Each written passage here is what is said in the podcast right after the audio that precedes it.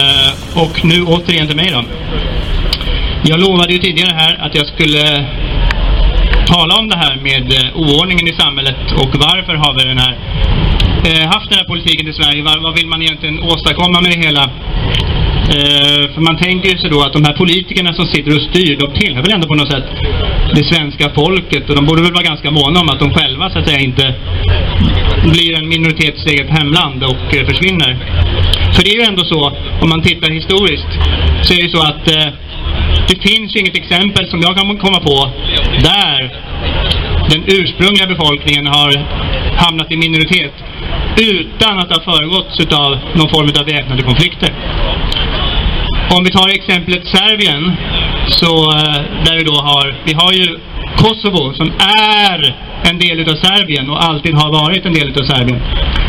Eh, som erkänns då utav vissa som en eh, eh som Kosovo-Albanien är mer utav vissa länder då helt enkelt.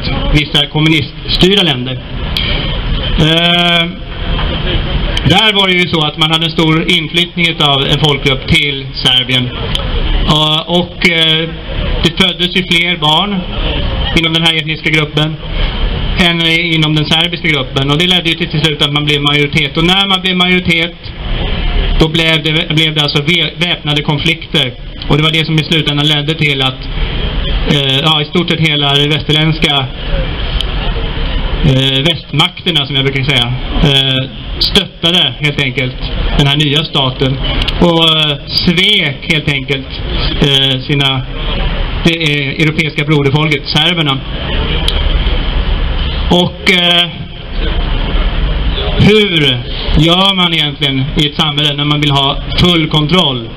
Hur ska man få full kontroll i en eh, demokrati? Jo, eh, ett sätt kan ju vara att kontrollera pressen. För då har man ju möjlighet att eh, eh, skicka ut de allmänna trenderna.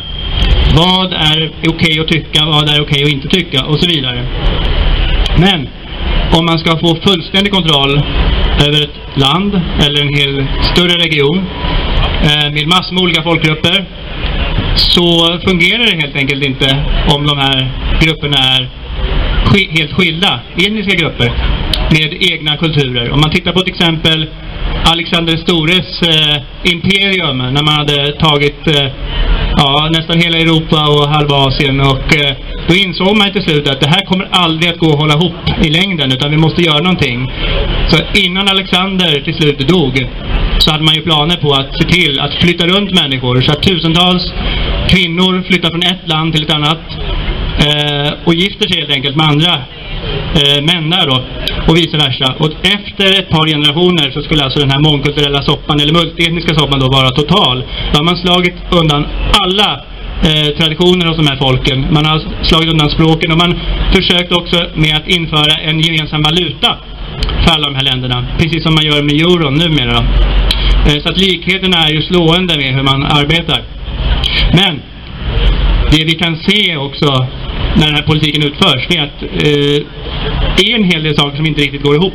Många inom eh, den Sverigevänliga rörelsen har ju länge undrat hur kan det komma sig att de här vänsterfeministerna som hela tiden angriper de svenska männen för att, för att eh, motverka jämställdheten i Sverige varför, och att man samtidigt som man då ständigt anklagar svenska män kollektiv, exempelvis för enskilda personers våld mot enskilda kvinnor. Hur kan man göra detta, men samtidigt inte liksom lyfta ett enda finger mot eh, de problem som vi får med en importerad kvinnosyn? Som eh, ändå måste anses vara hundra, gång, hundra gånger allvarligare och långt, långt, långt tillbakasträvande. Och det finns en anledning eh, det talas ju mycket om islamisering från så kallat Sverigevänligt håll. Man går till och med ibland så långt att man närmast likställer islam med nazism. Alltså nationalsocialism då, trots att de båda fenomenen är totalt olika. Men visst kan man dra paralleller, det kan man göra med det mesta. Men då ska man också göra det, ska man inte göra det med falsk logik, utan då ska man göra det på rätt sätt. För det är nämligen så att det som vi är utsatta för här i Sverige och hela Europa, det är en kommunistisk konspiration. kommunismen är idag precis lika levande som det blev med statskuppen i Ryssland 1917 och eh, efter maktövertagandet. Eh, för då påbörjades spridandet av den här världsrevolutionen. Och kommunisterna, de spred sitt samhällsgift över hela världen. Dels genom irrationell propaganda och internationell propaganda. Men även genom rena militära erövringar. Och eh, som jag sa tidigare här nu, många pratar om den muslimska invandringen. Jag känner själv en hel del muslimer och eh, är bekant och är vän med en del. Eh, och eh, man kan inte säga så att en hel grupp människor som tillhör en viss religion tycker på ett visst sätt. Eh, en av mina muslimska bekanta, han eh, var nere i sitt hemland eh, på återbesök då, han är bosatt i Sverige. Och hans föräldrar tyckte då att var väldigt intresserade av att veta att hur är svenskarna egentligen? Va, va, va, hur är svenskarna? Och hans svar det var att de är bättre muslimer än vad de flesta marockaner är. Och med det så menar han då att, eh, enligt hans sätt att se det, att eh, en muslim ska vara som en, en vanlig, så att säga, traditionell svensk allmänhet är. Så att eh, det finns må många olika sätt att se på det här med olika religioner och islam. Så jag tänker aldrig eh, fördöma en hel religion och ett helt, eh, ja, en hel grupp av anhängare till en religion. Men det är intressant ändå att många i Sverige eh, Eh, lägger fokus just på, på en så kallad islamisering. Och det jag är övertygad om det är att man vill helt enkelt att eh, svenska nationalister ska ha en väldigt kritisk syn på en islamisering. Och varför då då? Jo, eh, man använder. Därför att om man tittar på det här med eh, eh muslimsk tro och det här med att man, man är ju väldigt noga med det här med eh, man är väldigt konservativ. Det här med familjen är väldigt viktigt. Kärnfamiljen är extremt viktig. Eh, det är den också för oss svenskar. Det är den inte för vänster, eh, ja, etablissemanget. De vill ju splittra kärnfamiljen.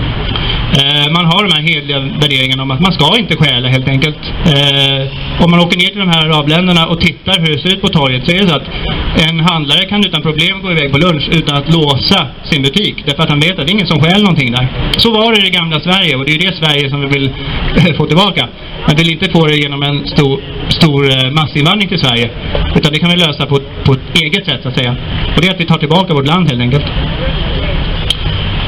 Eh, men det jag menar här är att man använder den här invandringen som en slags murbräcka för att krossa det traditionella svenska samhället och splittra svenskarna.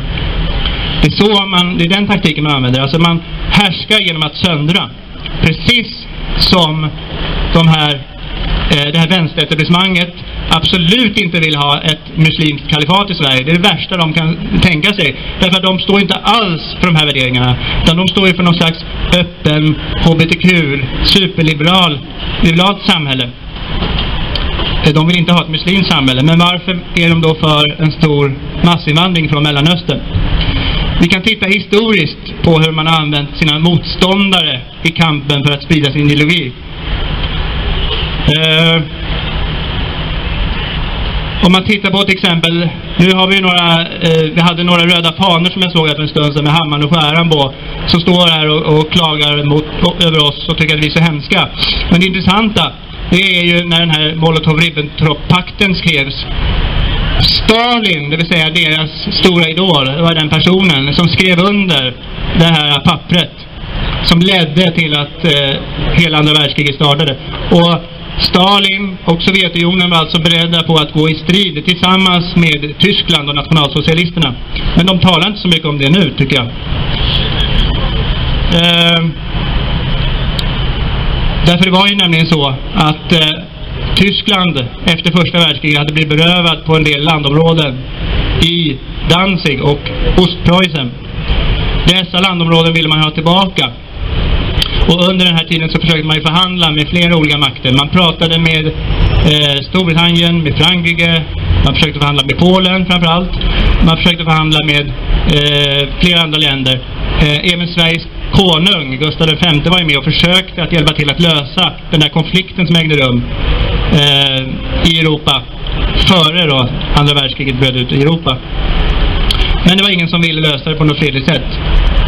Och till slut då, när eh, tyskarna då eh, gjorde sitt sista försök att lösa det här och ta kontakt med Sovjetunionen så kom Stalin istället med förslaget om att varför inte invadera Polen istället och dela upp det mellan oss. Och det var ju det man eh, kom överens om att göra. Så att Sovjetunionen då, för Stalin hade ju läst Mein Kampf. Uh, hans uh, egna exemplar finns ju i, i arkiv. Man kan se, han har strykit under flera ord där om hur Adolf Hitler alltså eh, förkastar kommunismen och han, han, pekar ut bolsjevismen som något väldigt negativt och stor fara. Det har alltså Stalin läst och eh, understrukit själv. Så han vet ju att han har att göra med sina, sina absolut största och främsta politiska fiender som ligger så långt ifrån på det politiska spektrat som man någonsin kan komma ifrån kommunismen. Men ändå väljer Stalin då att, att eh, bilda pakt med dessa. Eh, Stalin skulle aldrig vilja ha ett nazistiskt samhälle. Han ville aldrig ha ett nazistiskt Europa. Men han använde alltså eh, Tredje riket som en murbräcka mot västmakterna. På ett mycket, mycket listigt och sofistikerat sätt. Man kom överens om att man skulle lösa den här Polenfrågan på bara några veckor. Och genom att göra ett stort anfall, ett massivt anfall, både från väst och öst samtidigt. Detta skulle äga rum den 1 september 1939.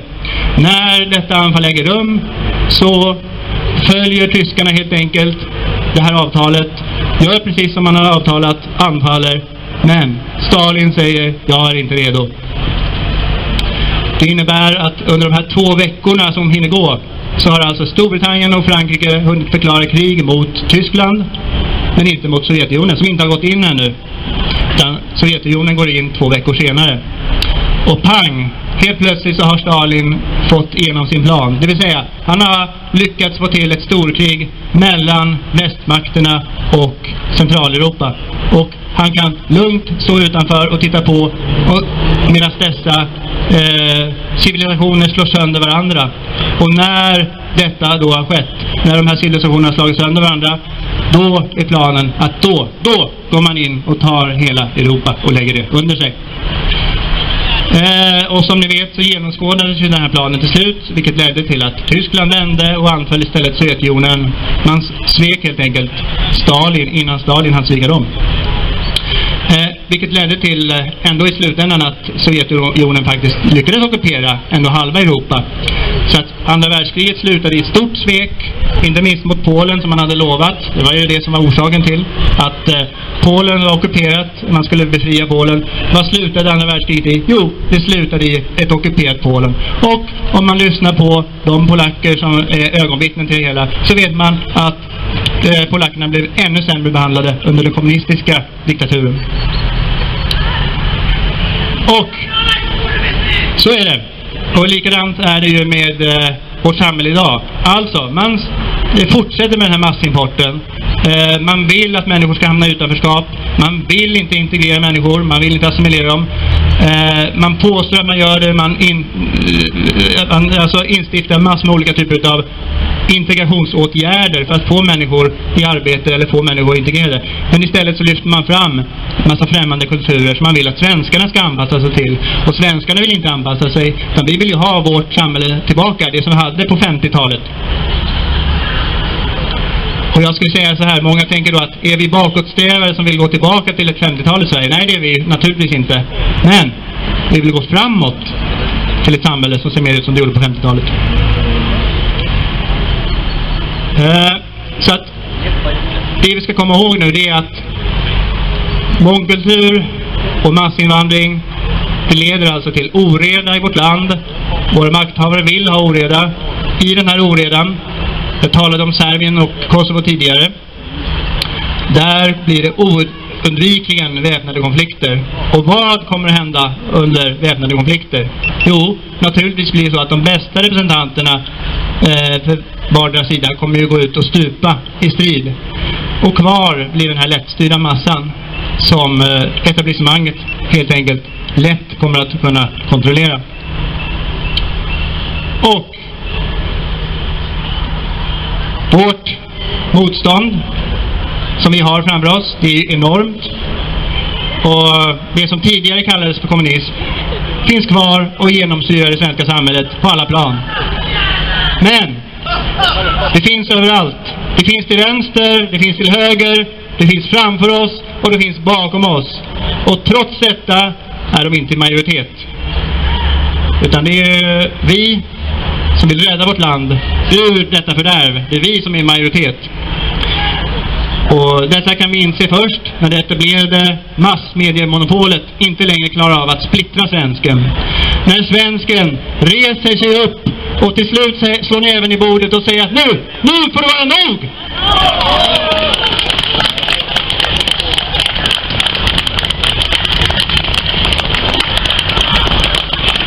Och för att få tillbaka vårt land behöver vi inse vad det är vi är utsatta för och bekämpa det på alla möjliga plan. Och, på fikaborden och i riksdagens plenisal. Allt däremellan, överallt behöver vi föra den här kampen. Och det första som en nationellt sinnad regering måste fatta, det är ett beslut om en djuplodande och långtgående repatriering av hundratusentals etniska främlingar.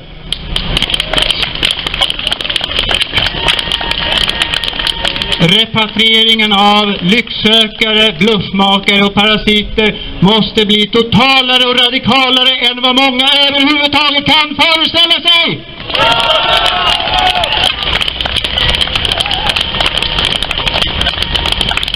Men, men, det är inte för heder, det är inte för ära eller rikedomar eller ens frihet alena som vi kämpar. Vi kämpar för vår blotta existens. Utlänningarna har ingen mark, mark här, de har inga hem här och ändå vill makthavarna att dessa ska få ta det här landet och göra det till sitt. Nej, ut!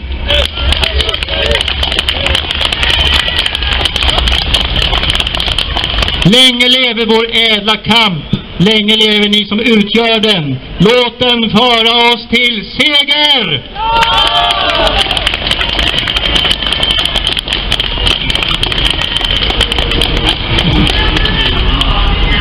Och när vi har segrat, då kommer vi få se ett mycket, en mycket ljusare samhälle växa fram.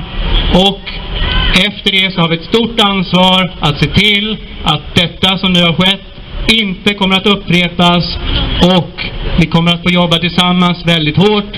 Och jag säger, svenskar, börja jobba!